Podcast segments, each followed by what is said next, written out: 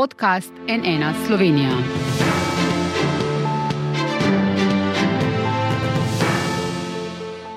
Dobr dan. V tem trenutku še niti ne poznamo razpleta včerajšnjih lokalnih volitev po vseh slovenskih občinah, občinah pa je tu že vrhunec kampanje pred nedeljskimi referendumi o treh zakonih.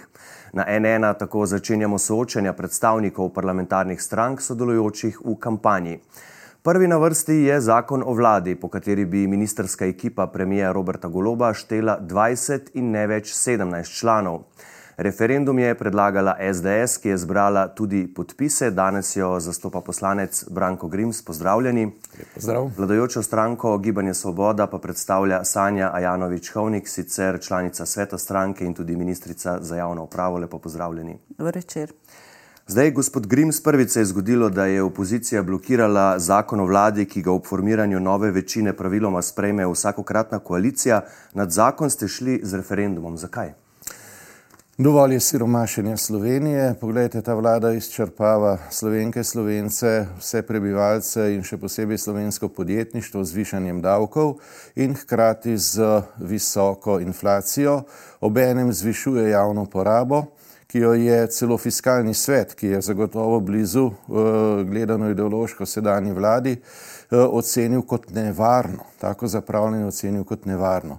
Eh, vse to naj plačajo slovenski davkoplačevalci. Vlada želi povečati število ministrstev tako, da bo to evropski rekord eh, in obenem naj ljudje plačajo ne samo nova eh, funkcionarska mesta za gospod Lenko Bratušek in ostale, ki so jim voljivci pokazali s roko ven iz parlamenta, Eh, ampak eh, to pomeni seveda tudi nove zaposlitve, nov aparat za vsako ministrstvo. Ministrstvo potrebuje svoj birokratski aparat in na koncu se to pozna z novo postavko v proračunu, kar pomeni še dodatno eh, porabo, ob tem, ko vemo, da že zdaj je z rebalansom dvignjena javna poraba za milijardo sedemsto milijonov. Še enkrat povem, ker je celo fiskalni svet uh, ocenil kot nevarno, kot nerealno, pomeni pa to dejansko siromašenje Slovenije, vse to plačujejo slovenski davkoplačevalci. Zato proti. Gospa Janovič Hovnik, zakaj torej vlada Roberta Goloba potrebuje 20 ministrov, zakaj v Gibanju Svoboda menite, da je trenutna razdelitev resorjev zastarela in kako odgovarjate gospodu Grimsu, ki pravi, da gre za siromašenje slovenk in slovencev? Glede, gospod Grims je sedaj odprl kar nekaj tem, ki se v bistvu dejansko ne tičejo tega zakona o vladi. Uh, kaj zakon o vladi je? Gre za sistemizacijo vlade, gre v bistvu za to, da uh, predsednik vlade kot uh, predstojnik te vlade ne, uh, organizira delo na način, da bo uh, učinkovito dosegel uh, s koalicijsko zastavljene prioritete. Gospod Grims je odprl tu uh, vse neke teme, ki se dejansko ne tičejo od fiskalnega sveta, sestave fiskalnega sveta in tako naprej. Uh, mi smo tudi že v bistvu v tem zakonu jasno nakazali, da finančnih posledic ta zakon ne predvideva uh, za samo reorganizacijo poslovanja, da se vsebine povežejo med seboj smiselno, tako da bo mogoče dejansko učinkovito doseči te cilje, to ne pomeni, da se bo zaradi tega aparat povečal. Ne. Bi pa na tem mestu vseeno povedala, da je nekoliko smešno, da stranka, ki je tik pred zaključkom svojega mandata pospešeno zaposlovala za nedoločen čas, govori o povečanju administrativnega aparata.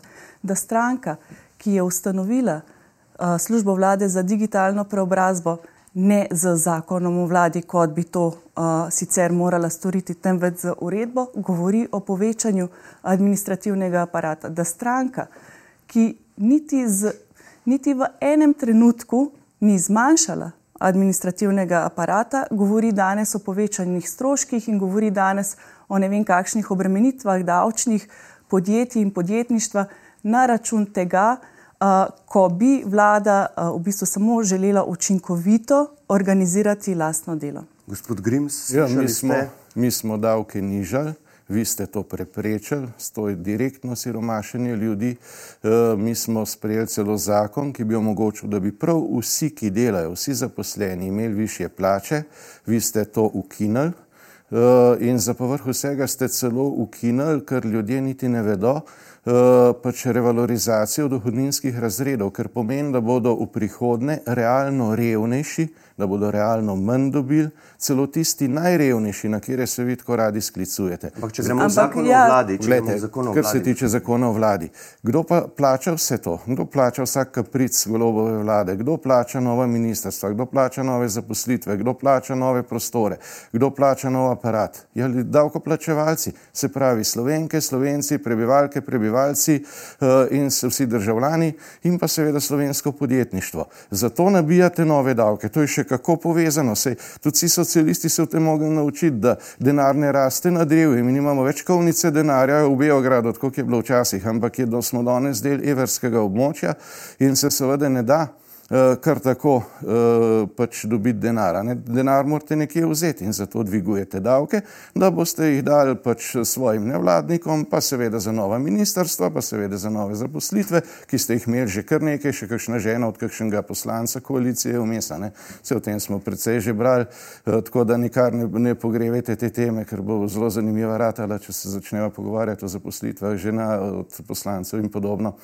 Uh, in na koncu to, me preučite, da je smešno, da govori o tem SDS, ki da je nek po besedah gospodarstva. Mi smo pač, uh, plače zaposlenih, vse zaposlenih dvigovali, mi smo davke nižali vi jih dvigujete in nabijate še nove in nove davke in napovedujete še nove in nove davke in z tega ne bo nikoli konec, ker drugega sploh ne znate. Obenem ste pa zabeležili največji prosim. padec gospodarske rasti, ki ga je kdaj doživela Slovenija v kratkem obdobju. A, to je prosim, pač zdaj, delo uh, golobove svobode v narekovaj. Jaz mislim, da sem prišla na soočanje o zakonu o vladi in tukaj zdaj v bistvu dejansko ne vem več, o čem se pogovarjamo. Se pogovarjamo o davčni zakonodaji, potem bi bilo verjetno bolj na mestu, da je na mojem mestu ministr za finance ali nekdo, ki se podrobneje s financami ukvarja, ali se pogovarjamo o nevladnih ja, organizacijah. Kdo bo to plačal? Ali se, ali se pogovarjamo o tem? Ne vem, gospod Grims, o čem vi govorite. Mi že vse čas govorimo in kot sem sama povdarila,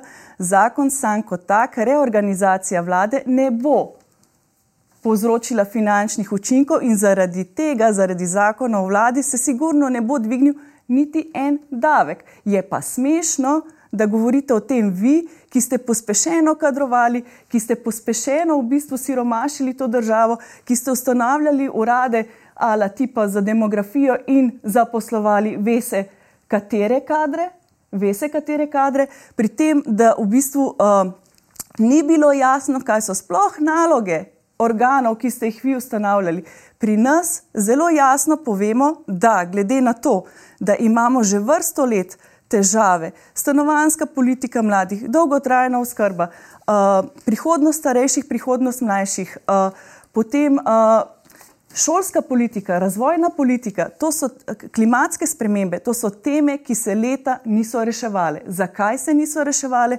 Verjetno tudi zato, ker so ta področja bila razdeljena med različnimi ministrstvi in kot silosne organizacije, kar ministrstva so, smo ugotovili, da točno iz tega naslova ne moremo učinkovito nasloviti težave, izzive, ki so ključni in za katere se je naša koalicija, koalicija zavezala, da jih bo reševala. A pa vi lahko se upravičujem, gospa Janovič, Hovnik, na tem mestu zagotovite, da se zaradi tega zakona o vladi, če bo na se upravičujem, boste dobili besedo, ampak bi rad tole vprašal.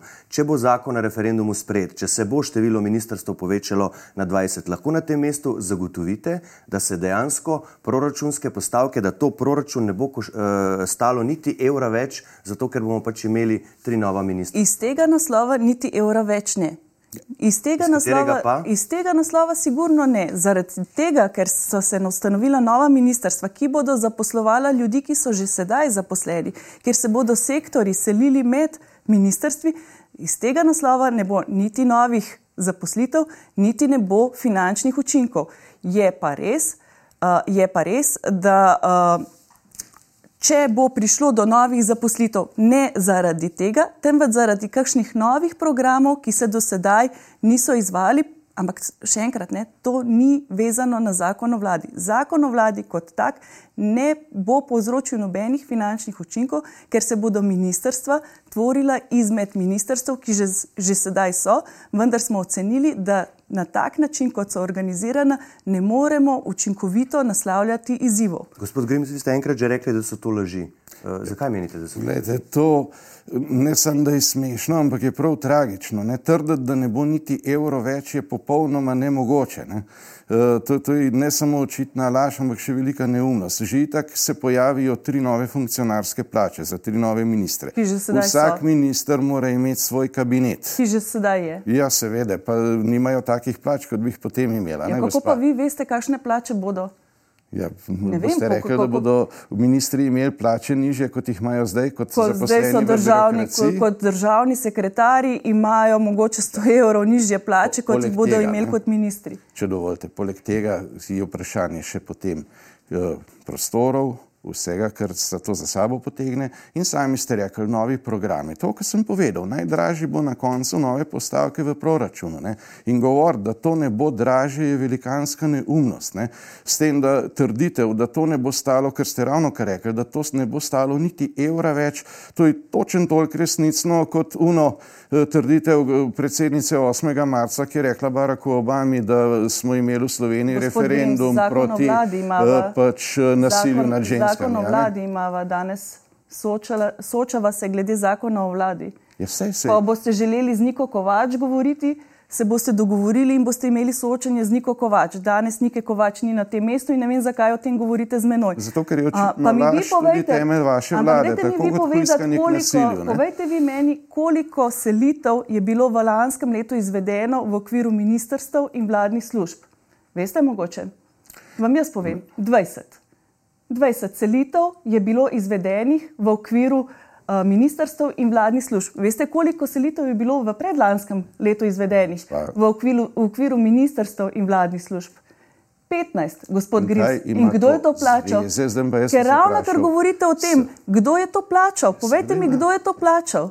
Mogoče veste, kdo je to plačal? Nižali davke, gospa, vi jih pa višate. Davkoplačevalci so to plačali. V čem je ta razlika? Ne, ne gospod Grims. Davkoplačevalce smo mi hoteli razbremeniti, no. vi ste to preprečali fizično ste preprečili, da bi se uveljavil zakon, ki je bil že sprejet, ki je bil vsem zaposlenim dvignil plače. Gospod ne? Grims, da bi lažje preživeli zakon pač o vladi. In zdaj nabijate dodatne davke, zato da boste imeli za nova tema. ministrstva. In zato je temu treba reči dovolj, zato je Lete, treba biti proti. Jaz sem bila prejšnji teden v tujini in ko sem razlagala, da imamo referendum o vladi, sem najprej potrebovala pol ure, da sem tujcem sploh razložila, v čem je problem. In veste, kaj so mi rekli? Kako to, da vi organizirate svojo vlado z zakonom? Demokracije, ustaljene demokracije, to počnejo z uredbo. A veste zakaj? A veste zakaj? A veste ker zakaj? je to sistemizacija, ker vsako podjetje svojo organiziranost prilagaja izzivom časa, v katerem se pač podjetje v tistem trenutku nahaja. Ampak ne, gospod Grims, vi pač niste pripravljeni sprejeti poraza na aprilskih volitvah, zato delate vse, kar je v vaši moči, da tej vladi preprečite, da bi čim bolj učinkovito delala. Zakaj? Ker se v bistvu najbolj, tisto, česar se vi najbolj bojite, je, da bi ta vlada dejansko uspela uresničiti svoje obljube. Tega vas je na smrt strah. Sej, uh, to je lahko upravičen strah in ga tudi razumem, da je upravičen strah, ampak vsi vaši argumenti in vse vaše floskole, vsa vaša zavajanja je treba pač čisto jasno povedati, da so to zavajanja in floskole, politične floskole, da v resnici gre zgolj in samo za nagajanje. Za nagajanje. Nagajanje, gospod Grims, ne spremete poraza na aprilskih volitvah, pravi. No, pogledajte, na lokalnih volitvah je SDS zmagala. Ne, to se pravi, od danes naprej lahko govorimo, da se svoboda ni sprijaznila s tem, da je SDS zmagovalka lokalnih volitev po tej logiki, kot je zdaj gospa sama predstavljena. Eh, tisto, kar eh, v SDS podpiramo, je vsak predlog, in to sami dobro veste, eh, ki gre v korist ljudi, ki je v dobro Sloveniji. Kateri predlog ste podprli? Kateri predlog ste podprli? Zadnji predlog, ki ste ga podprli? Smo jih zdaj le sprejemali tam le v parlamentu, gospa, pa se boste videli. Uh, v, uh, Seveda pa ne bomo podprli tistega, kar pomeni večanje porabe v času, ko se e, pač pojavlja kriza, ko je kriza tukaj, ko trka na vrata. Vlada je pa operativno že zdaj popolnoma nesposobna. To se je pokazalo, ko je na začetku. Glejte, mi smo Tista, videli, mi smo videli, ne, gospod Grim, zato ker zopet govorite o temah, ki nimajo veze. Seveda ima veze, ne, pa še seveda kako veze. Kako ste vi reševali krizo, smo videli leta 2012, ko ste sprejemali ZUJF ki je poglobil krizo. Ampak Zato... tudi to ni tema zakona o vladi, se upravičujem, tu bi. Eh, Ampak bistvu... tole, kar želim pa jaz povedati, pa je tema, ker gre za operativnost vlade. Ne? In tu z večanjem dodal... števila ministrstev vlada postavlja še manj operativna. To... Da je bila pa že do zdaj popolnoma neoperativna, se je pa videl že na začetku poletja, ko je z neumno napačno izjavo gospod Golob sam povzročil eh, špekulativno krizo. Veste, da je bilo pomankanje goriva po celi Sloveniji več dni. Eh, obstajali so celo kamioni z najbolj občutljivim tovorom, tudi tujci. In kaj se je zgodilo? Vlada ni ukrepala, ker je popolnoma neoperativna. Zdaj bi jo pa še povečali, zato da bo še bolj neoperativna. Dajte, gospod Grims, govorite na pamet in o stvarih, o katerih ne, preprosto... O stvarih, ki so dokazljive, prevedljive, in se jih ljudje na lastni koži občutijo. O stvarih, občuti. o katerih preprosto nimate dovolj znanja. In najbolj pravilno in najbolj pošteno bi bilo, da se o takih stvarih pač ne pogovarjate, vsaj ne pred slovensko javnostjo. Spa kakšno znanje je pa treba imeti, da ugotoviš, da je gospod Golob povzročil sam špekulativno krizo, ko je napovedal dvig cen. Zakon in o vladi, potem, gospod ko, Grims. Zakon potem, o vladi, gospod ja, to je operativnost vlade, gospa, vladi, ker je argument Grims. proti večanju vlade. Tu bi samo dodal, da tudi vaš poslanski kolega, donedavni predsedniški kandidat Anže Logar, je menil, da je razdelitev ministrstva načeloma stvar vsakogradnega eh, predsednika vlade in ni uh, nasprotoval predlaganemu zakonu o vladi in še Prva Janševa vlada 2004 eh, do 2008 je ustanovila dve novi ministrstvi in sicer Ministrstvo za javno upravo ter Ministrstvo za visoko šolstvo, znanost in tehnologijo. Eh, tudi to Ministrstvo za visoko šolstvo je zdaj del eh, zakona te vlade, je pa res, da je ukinila takrat Janševa vlada Ministrstvo za informacijsko družbo. Toliko v pojasnilo in da spomnim zdaj po vprašanje še za vas, gospa Ajanovič Hovnik, kaj bo z Ministrstvom za solidarno prihodnost? Koordinator levice Luka Mesec, minister za delo trenutno pravi, da je za to ministrstvo za solidarno prihodnost že prepozno, da ga ne glede na izid referenduma ne bo, da je to premijev že povedal. Vaš predsednik Golo pa pravi, da se, citiram, nič se ne spreminja, ne glede na to, kaj kdo izjavi. Konec citata in da bo ministr za solidarno prihodnost potem, če bo novi zakon o vladi začel veljati, moral biti imenovan. Kaj se bo torej zgodilo? A, glede, ta zakon o vladi je v parlamentu že sprejet. Torej, v bistvu zdaj v nedeljo bomo samo potrdili uveljavitev tega zakona. Torej, uh, uh, z potrditvijo uveljavitve tega zakona pomeni, da se zakon, tak kot je sprejet z zakonom o medgeneracijski solidarnosti, uh, uveljavi. Ne? In na podlagi tega zakona se ministrstvo veljavi, torej jaz nimam nobenega podatka, da se to ministrstvo ne bi ustanavljalo ali da je prišlo do kakršne koli spremembe. Torej, ministrstvo bo.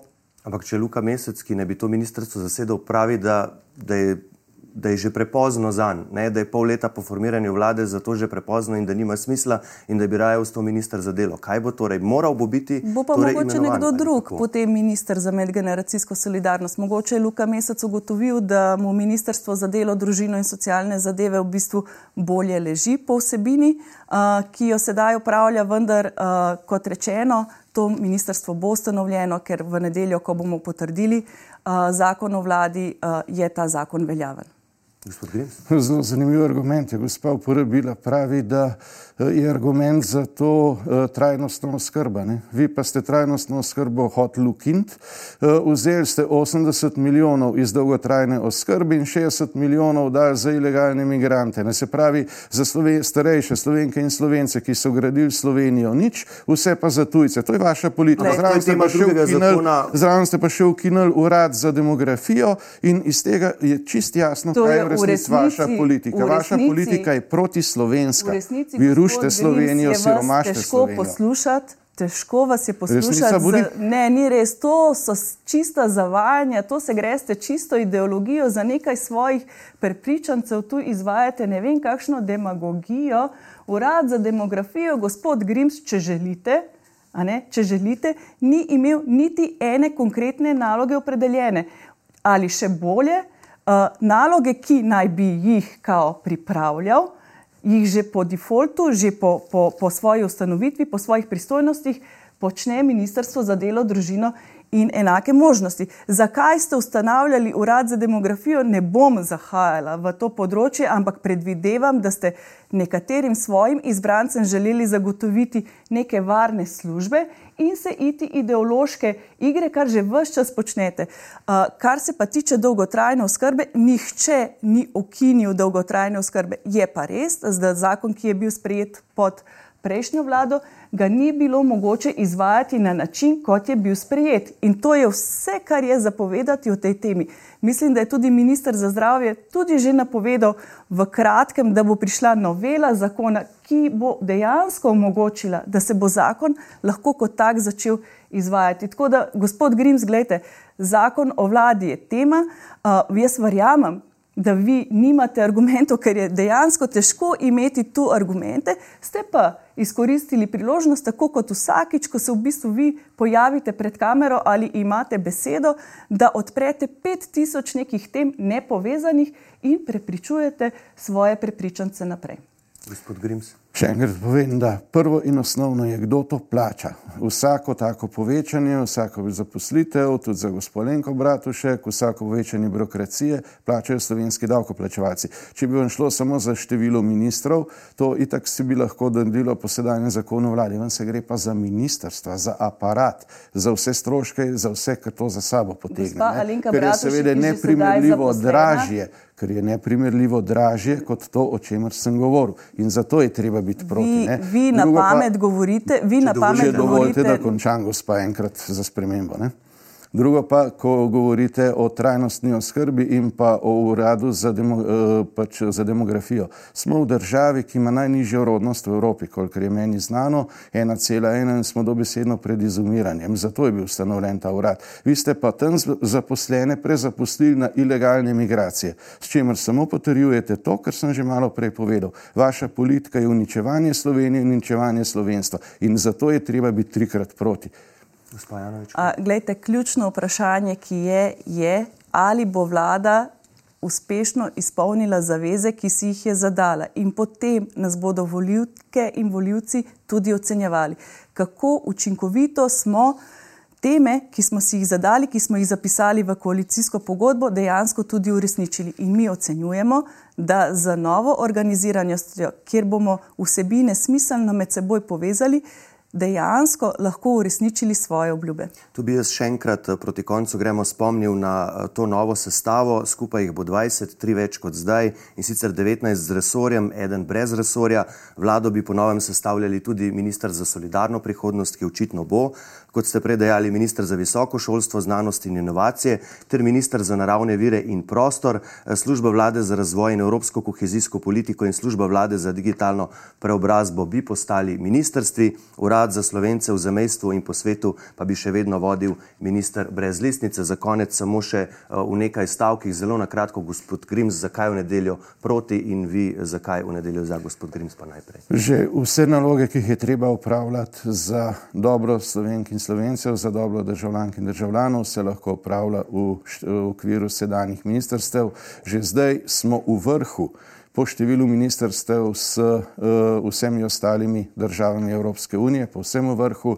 Če bi se sprejelo to povečanje, bi bili absolutni evropski rekorderji po številu ministrstev. Vse to seveda na koncu plačajo davkoplačevalci, ne samo uh, funkcionarske plače, plačajo zaposlitve, plačajo aparat, plačajo prostore, uh, plačajo vse tisto, kar to za sabo potegne. In zaradi tega se nabijajo novi davki, zaradi tega uh, pač ta vlada ne dela drugo, kot da ukinja eh, celo tisto, kar bi omogočilo ljudem, kar je bilo sprejeto v našem obdobju, da bi imeli više plače, eh, zaradi tega siromaši podjetništvo in zaradi tega najboljši podjetniki, celo gospoda Krapovič, napovedujejo svoj odhod v tujino. Na tem bi se morali zamisliti in v tej smeri bi bilo treba ukrepati. Treba bi bilo zategniti eh, pač pas v tem času krize, ki je očitna in sicer pas na vladi. Vi ga pa zategujete državljankam in državljanom, vlada se pa širi, vlada se pa krepi in zato je treba biti proti, zato ker je treba narediti konec siromašenju Slovenije. Gospa Janovič, Hovnik, še vaše zaključne misli, zakaj za? Glejte, mi smo že vse čas predvolilne kampanje in potem tudi takoj po volitvah obljubljali zeleni prehod, obljubljali digitalizacijo v bistvu v celotni državi, obljubljali prihodnost mladim in starejšim in to se potem odraža tudi v koalicijski pogodbi. Ocenjujemo, da uh, te svoje obljube lahko učinkovito uresničimo na način, da organiziramo lastno delo na način, kot je predlagan za zakonom o vladi, dejansko gre le za reorganizacijo že obstoječih resorjev, ne pomeni ne novih zaposlitev, ne pomeni nobenih novih stroškov, dejansko govorimo zgolj in samo o tem, da se vsebine smiselno med seboj povežejo tako, da bomo dejansko lahko po 20 letih uh, implementirali spremembe, ki so potrebne in za katere smo se tudi zavezali. Vse ostalo, o čemer je gospod Grims govoril, sem pa mislim, da že prej naslovila. In tu bomo naredili piko, spoštovana gosta, gospod Branko Grims, gospa Sanja Ajanovič Hovnik. Najlepša hvala, da ste se soočila o zakonu o vladi. Hvala. Hvala in ne pozabite v nedeljo trikrat proti. Za, trikrat za. Vse veste, eh, vaša je zadnja, torej eh, vi imate zadnjo besedo v nedeljo. Hvala za vašo pozornost danes. V sredo se vidimo na novem soočenju, tokrat o zakonu o dolgotrajni oskrbi. Za danes pa hvala lepa in nasvidenje.